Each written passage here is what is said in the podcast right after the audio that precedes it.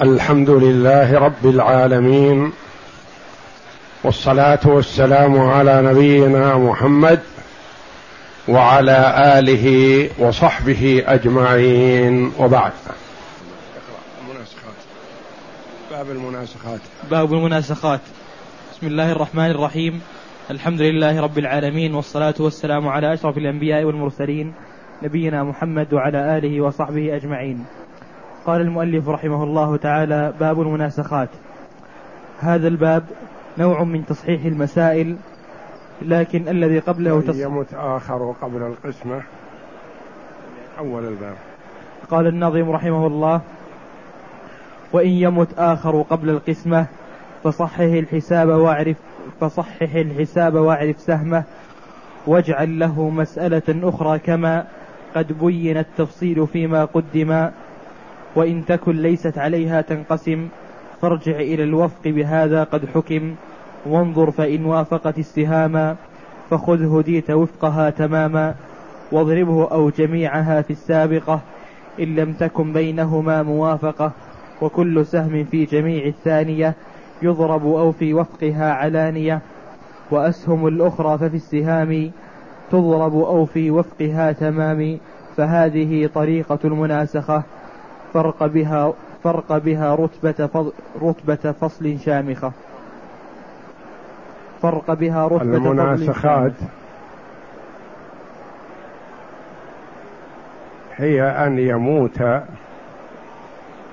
شخص وقبل قسمة التركة يموت من ورثته واحد أو أكثر. وهي باب من باب من أبواب التصحيح إلا أنها على صفة مخصوصة ولها ثلاث حالات. حالة أن يكون ورثة الميت الثاني ومن بعده. هم بقية ورثة الميت الأول. سواء بسواء. وهذه يتأتى فيها الاختصار قبل العمل. الحال الثانية أن يكون ورثة كل ميت لا يرثون غيره. الحال الثالثه أن يكون ورثة الميت الثاني ومن بعده هم بقية ورثة الميت الأول لكن اختلف إرثهم أو ورث معهم غيرهم. اختلف إرثهم ترث من المسألة الأولى بصفتها زوجة. ترث من المسألة الثانية بصفتها أم. ترث من المسألة الثالثة بصفتها جدة. وهكذا. الحالة الأولى يتأتى فيها الاختصار قبل العمل. يعني يكون مسائل عدة تختصر في مسألة واحدة. كان يكون شخص مات وخلف خمسة بنين وعشر بنات. هؤلاء فيما بينهم يتوارثون. وليس معهم غيرهم. الأولاد ليس لهم زوجات ولا بنين ولا بنات. والبنات ليس لهن أزواج ولا أولاد. وإنما ميراثهم سواء. مات أبوهم فورثه الأولاد من بنين وبنات. مات أحد البنين ورثه بقية أخوته. ماتت أحد البنات ورثها بقية أخوتها. ما يختلف. كلهم عصبة. ما بقي إلا ابن وبنت من المجموعة كلهم. تختصر فتقول المسألة من ثلاثة. للابن سهمان وللبنت سهم واحد. هذه تسمى اختصار قبل العمل. يعني ما تجعل للميت الأول مسألة ثم الميت الثاني مسألة ثم الميت الثالث مسألة ثم الميت الرابع مسألة ثم الميت الخامس مسألة. قد تجتمع عشرين مسألة. لكن تختصرها في من بقي تقول بقي ابن وبنت. ابن وبنت للأول وأخ وأخت للثاني ومن بعده. تختصر المسألة في مسألة واحدة وتقول المسألة من عدد رؤوسهم. ماتوا كلهم ما بقي إلا ابنان فقط. اثنان ذكور. تقول المسألة من اثنين. ماتوا كلهم ما بقي إلا واحد أخ. أخ للمجموعة كلهم وابن للأول. تقول المال له وهكذا فتختصر قبل العمل. هذه الحال الأولى. الحال الثانية أن يكون ورثة كل ميت لا يرثون غيره. مات الأول الأب عن خمسة بنين. ثم مات الابن الأول الكبير عن ثلاثة بنين وبنت. مات الثاني عن ابنين وبنت. مات الثالث عن زوجة وابن وبنت. فتجعل لهم مسائل بعددهم. المسألة الأولى وتصححها ثم المسألة الثانية وتصححها ثم المسألة الثالثة وتصححها ثم المسألة الرابعة مهما تعددت. وتصححها ثم تنظر بين المسائل ما عدا الأولى. الأولى الأم تتركها على جنب. تنظر في المسائل المتأخرة. اثنتان أو ثلاث أو أربع. تنظر بينها بالنسب الأربع. إن كانت متداخلة اكتفيت بالأكبر. متماثلة اكتفيت بأحدها. متوافقة أخذت وفق أحدهما وضربته في الثانية. متباينة ضربت إحداهما في الأخرى. وما تحصل يكون بمثابة جزء السهم للمسألة الأولى. تضربه في المسألة الأولى. وما تحصل يكون الجامعة لجميع المسائل. لأن هذه المسائل كلها تكون في جامعة واحدة. اثنتان أو ثلاث أو أربع أو خمس إلى ما لا نهاية له. ثم تقول من له شيء من الأولى أخذه مضروبا في جزء سهمها. ومن له شيء من الثانية ومن بعدها أخذه مضروبا في سهام مورثه مع المباينة. ووفق السهام مع الموافقة. ولا بد أن تنقسم عليهم. وهذه الأولى والثانية سبقت. وأخذنا عليها الأمثلة السابقة. الآن عندنا الحالة الثالثة من حالات المناسخات. وهي أن يكون ورثة الميت الثاني ومن بعده هم بقية ورثة الميت الأول لكن اختلف إرثهم أو ورث معهم غيرهم. وهذه الحالة الثالثة والأخيرة. الميت الأول مات عن مجموعة. مات واحد من ورثته وخلف بعض ورثة الأول وانضاف إليهم غيرهم أو اختلف إرثهم. ورثت من المسألة الأولى بصفتها زوجة. ورثت من المسألة الثانية بصفتها أم.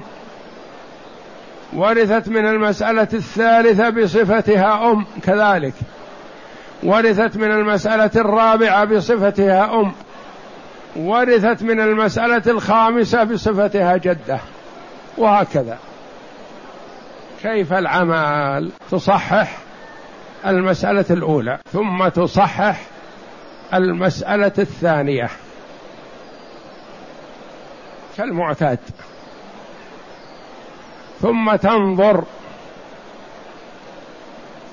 بين سهام الميت الثاني ومسألته. فلا يخلو. إما أن تنقسم فإذا انقسمت صحت إما صحت منه الأولى. أو لا تنقسم فتكون موافقة. فتأخذ وفق المسألة الثانية وتضربه في كامل المسألة الأولى والناتج هو الجامعة. ثم تقول من له شيء من الأولى أخذه في وفق الثانية ومن له شيء من الثانية أخذه في وفق سهام مورثه. وبهذا تنتهي الجامعة الأولى. ثم تأتي بالمسألة الثانية الثالثة عددا وتجعل لها مع المسألتين الأوليين جامعة أخرى. وهكذا كل ما تعدد الأموات تتعدد الجامعات في هذه الحال. فللمسألتين مثلا جامعة واحدة لثلاث المسائل جامعتان لأربع المسائل ثلاث جامعات لخمس المسائل أربع جامعات الأولى والثانية في جامعة وما بعدها كل ما جاءت مسألة تضع لها مع التي قبلها جامعة. وتكون الجامعة الثانية بالنسبة للجامعة للمسألة التي تليها بمثابة المسألة الأولى. وقد عملت لها ثلاثة أمثلة. وتعددت فيها الجامعة فيها جامعتان. وإذا عرف طالب العلم طريقة العمل في الجامعتين يعرف طريقة العمل في ثلاث جامعات وأربع جامعات وخمس جامعات إلى آخرها. مسألتان لها جامعة واحدة. ثلاث مسائل لها جامعتان. أربع مسائل لها ثلاث جامعات. وهكذا. وقلت لكم سابقا اكتب لنفسك. فإذا تعذر عليك فامسح وقلت لك أنت على الورق تقدر وتستطيع. تميت من شئت وتورث من شئت ما أحد يعارضك. إذا رأيت أن موت الأخ مثلا في هذه المسألة سيصعب عليك. موت واحد آخر غيره امسحه وخله حي ياخذ حقه. ولا يضيرك هذا أبدا. تعلم. إذا شفت أن سهامه مثلا مع مسألة مباينة وحساباتها طويلة فاشطب عليها وخله حي ياخذ حقه ويذهب. وأمت من هو أسهل عليك في العمل. وهذه المسائل الثلاث أقرأها عليكم تكتبونها أولا. ثم أبين لكم مواقف حتى تكون بمثابة المسامير والتثبيت لها وأترك البقية عليكم حلها في الأسبوع القادم إن شاء الله. فالآن اكتبوا على السطر لا تكتبون جداول اكتب كتابة. ثم تجدولها فيما بعد. اكتب. هلك هالك عن زوجة وبنت وأخ شقيق فلم تقسم التركة. اكتب هكذا. حتى ماتت البنت. عن زوج وابن ثم مات الأخ الشقيق عن زوجة. هي الزوجة في الأولى وابن ابن عم وابن ابن عم. هو الزوج في الثانية. تداخلت. أن تكتب ما أقول وبعدين أرجع لإيضاحها. عندنا الهالك الأول هلك عن زوجة وبنت وأخ شقيق. تصححها. ثم خليك معي لا تكتب شيء. ماتت البنت في المسألة الأولى عن زوج وابن. زوج وابن جدد ثم مات الأخ الشقيق في الأولى عن زوجة هي الزوجة في الأولى. يعني بعد ما توفي أخوه واعتدت تزوجها الأخ الثاني وورثته. ورثت الأول وورثت الثاني. وابن ابن عم هذا ماذا يكون؟ هو زوج البنت في الأولى. ابن ابن عم هو زوج البنت في الأولى. هذه المسألة الأولى على حدة. ثم المسألة الثانية. ونخرج لها جامعة للمسألتين.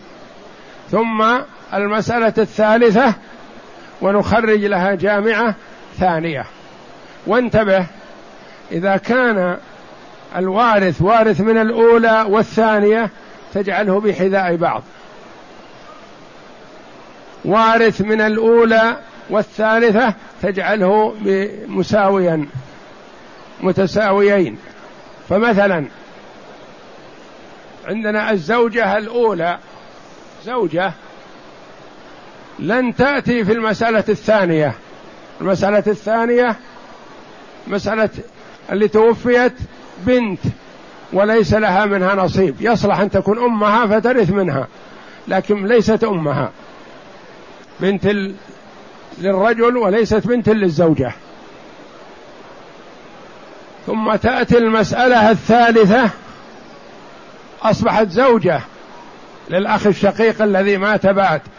هي زوجته فتجعل زوجة في السطر الأول بالنسبة للميت الأول وليس لها ذكر في الميت الثاني وتأتي لها ذكر في الميت الثالث زوجة هي نفسها. في السطر الأول زوجة للأول وفي السطر الأول زوجة للثالث وليست للثاني لأن الثاني بنت. عندنا الزوج في المسألة الثانية. زوج. جاء في المسألة الثالثة وارث ابن ابن عم. هو زوج للبنت لكن في المسألة الثانية اللي توفي الأخ الشقيق يصير يعتبر ابن ابن عم. فورثت الميت الثالث هم بقية ورثة الميت الأول لكن اختلف إرثهم.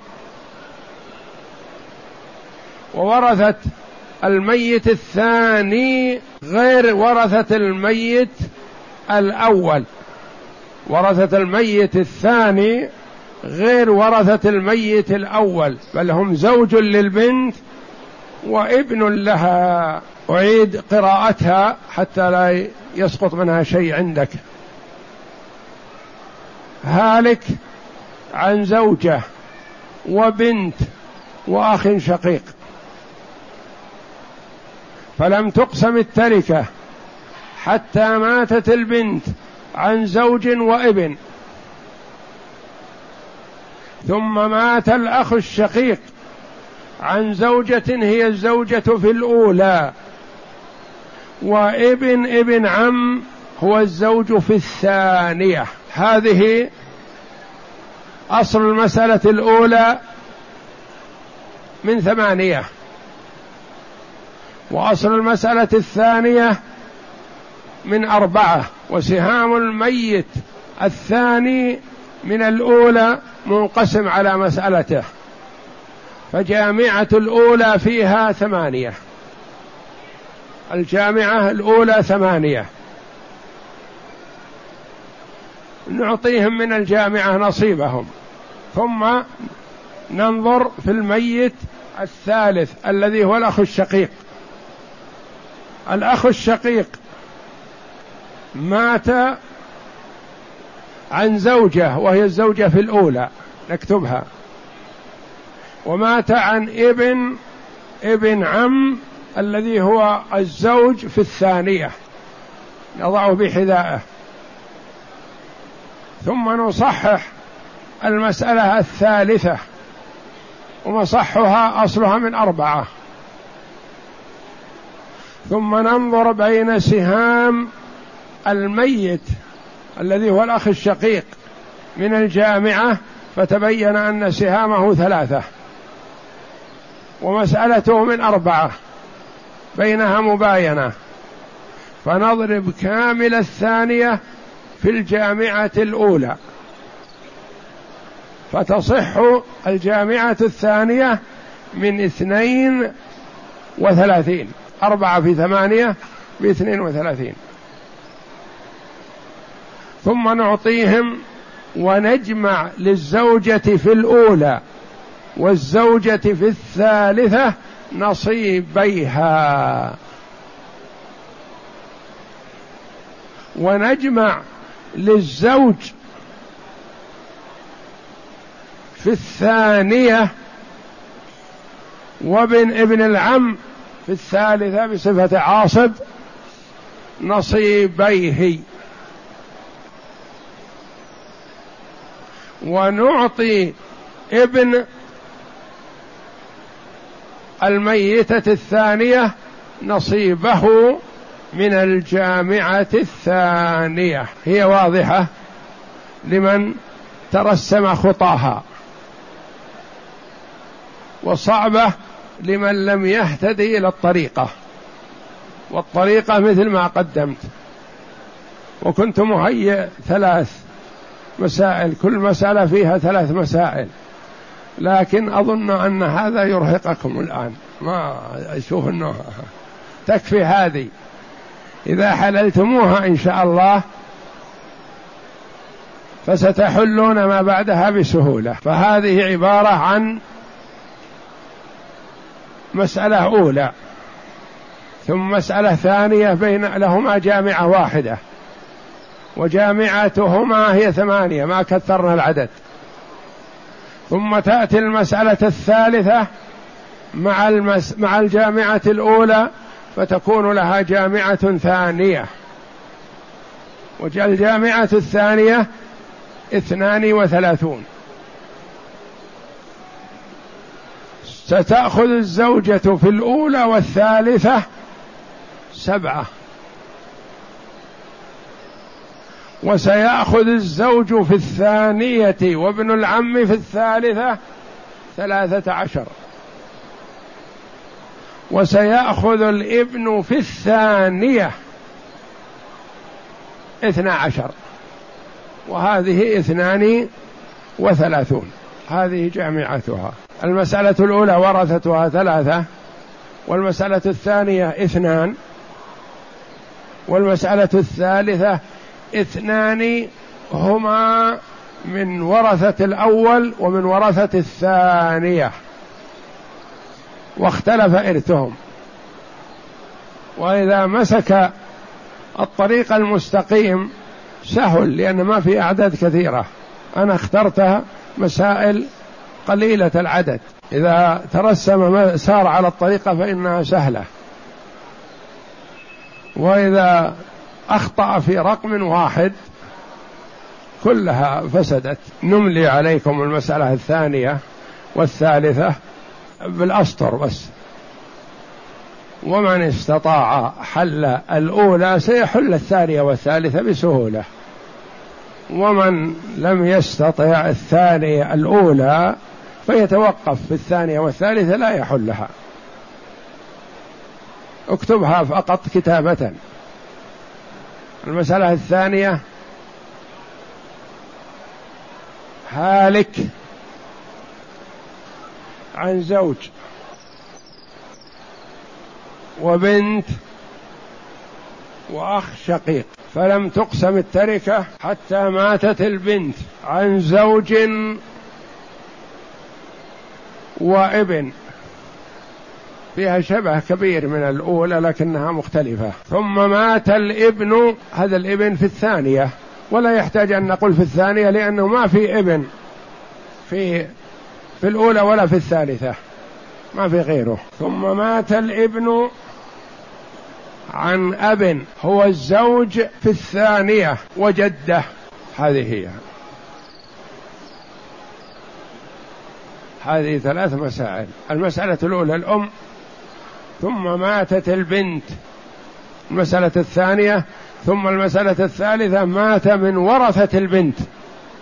الابن من ورثة البنت مات عن أبيه الذي هو الزوج معه حينما ورث من أمه وعن جدته.